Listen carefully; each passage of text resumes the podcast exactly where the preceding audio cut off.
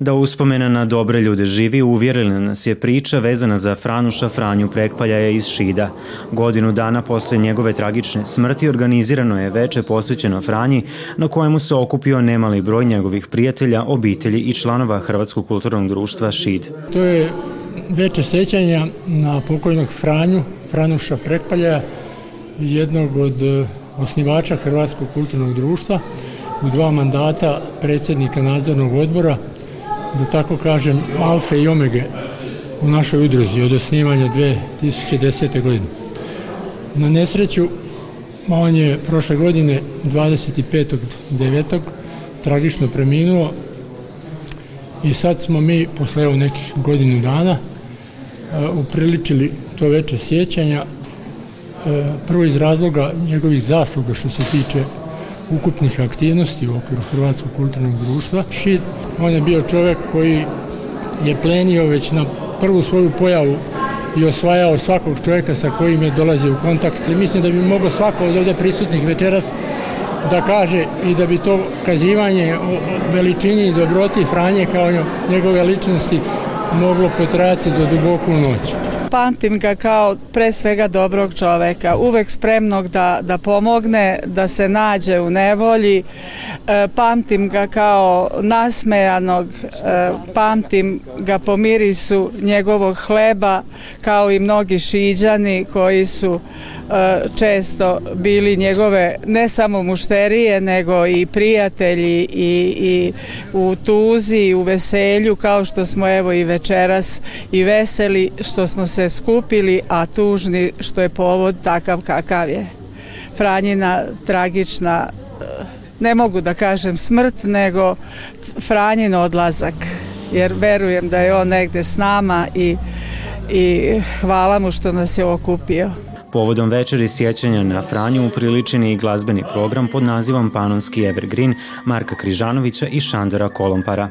Do suradnje je došlo tako da me Josip Pavlović zvao i rekao da eto ima jedna prigoda gde bi se možda mogli predstaviti. On iskreno ni ne znam gde me je čuo, ali mislim da je to verovatno preko YouTube-a bilo i dogovorili smo tako da ovo je naš prvi nastup ovde na Sremskom tlu. Samo je misli porodnici tu, jak pošaljem, ali se vraćaju a ti.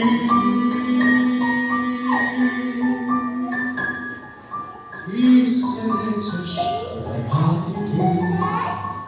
Meni je uvek nekako radost u srcu velika kad se ja predstavljam sa onim što radimo. Ovaj naš program se zove Panonski Evergreen.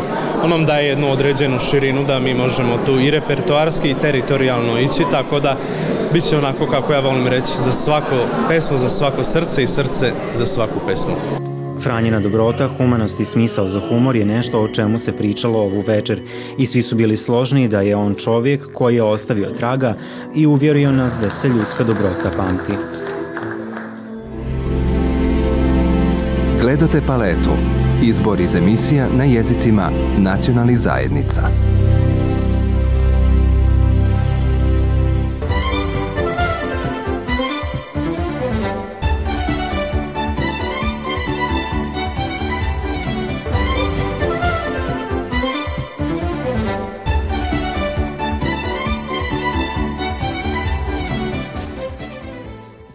Prvi puta u 140 godina dugoj povijesti Somborskog kazališta na pozornicu su stali slijepi i slabovidi, kao glumci u predstavi koji su zajednički realizirali članovi Udruženja slijepih i slabovidih i članovi dramske sekcije osnovne škole Ivo Lola Ribar.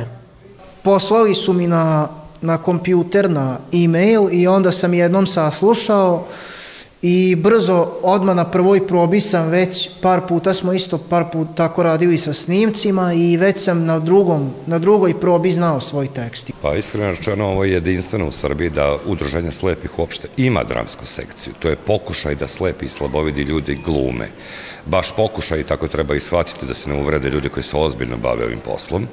Naravno da je bitno za ovo udruženje i za sve moje kolege koji učestvuju u tome nastupiti na velikoj sceni. Nije lako ni videćem čoveku, a kamoli slepoj osobi. Autorka predstave linije razgraničenja je učiteljica Tanja Ogrizović, a njeni učenici predstavu su pripremali zajedno sa članovima udruženja slijepih i slabovidih. Sam dramski rad e, osmišljen je tako da imamo prvo govorne probe, dakle probe e, čitanja i govorenja teksta, pri čemu mi snimimo zvučni zapis našim e, drugarima iz dramske sekcije Naša snaga udruženja slepih. Oni uče na taj način tekst, deca uče čitajući i kada savladamo govorne probe prelazimo na scenski pokret Projekt Iluzijom do inkluzije, u okviru kojeg je realizirana i predstava Linija razdvajanja, podržali su Ministarstvo kulture, grad Sombor i Pokrinjsko tajništvo za kulturu.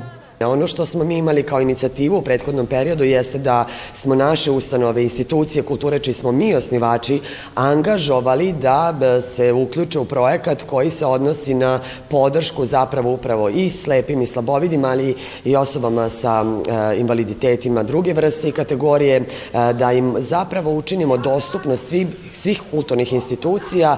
Somborsko kazalište bilo je puno jer su ovaj projekt podržali i osnovne škole, a tema aktualna. Važnost razvoja inkluzivne svijesti i prevencija vršnjačkog nasilja. Gledate paletu. Izbor iz emisija na jezicima nacionalnih zajednica.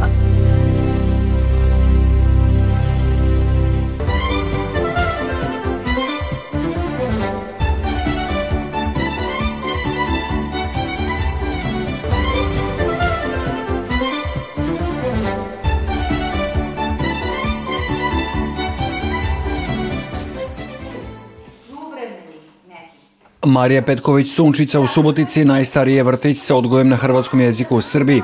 Prostor za 60 djece pokazao se nedovoljan pa su časne sestre iz družbe Kćeri Milosrđa koje su ga osnovale odlučile proširiti objekt jaslicama. Ima dosta djece koja bi se tu upisala i zato smo ovu zgradu evo tu sad u, u, namijenili za to i treba je rušiti i raditi nešto novo da bude za djecu, za roditelje i da budu svi zadovoljni. Ove smo riječi sestre Silvane zabilježili u lipnju, a pet mjeseci kasnije, danas, naša je sugovornica položila temeljni kamen jaslica. Biće dvije grupe, 32 e, djece računamo jasličke, biće mala kuhinjica, biće da mali apartman. A da potrebe za jaslicama postoji, govore roditelji i odgajatelji susjednog vrtića Sunčica. Pa da, znamo da se ovaj, izgrađaju jaslice i ja, radujemo se tome, pošto eto, imamo na godinu ćemo imati evo curicu koja bi bila zainteresovana da, da, bu, da se priključi jaslicama. Postoji velika potreba. E, otvorili smo jaslice u Mariji Petković Biser prije tri godine i tada se jako popunio broj koji pohađa te jaslice i ukazala se potreba i ovdje. Blagoslovljen ovome objektu udjelio mjesni župnik Andrijanišić u nazočnosti roditelja, predstavnika hrvatske manjine, upravitelja Subotičke biskupije i vostva katoličkog reda družbe kćere milosrđe u Hrvatskoj. U Hrvatskoj imamo trenutno šest naših vrtića koji nose ime Marija Petković, Blažena Marija Petković. Jedan je u Zagrebu, u Splitu, u Blatu na Korčuli gdje je kolijevka družbe, u Puli, u Čakovcu. Osijek i Osijek je šesti, da, Osijek je šesti i ovdje je sedmi. Objekt će biti podignut zahvaljujući Fondu prekogranične suradnje Hrvatske i Srbije. Partneri u projektu vrijednom 200.000 eura Subotički su samostan časnih sestara i grad Valpovo.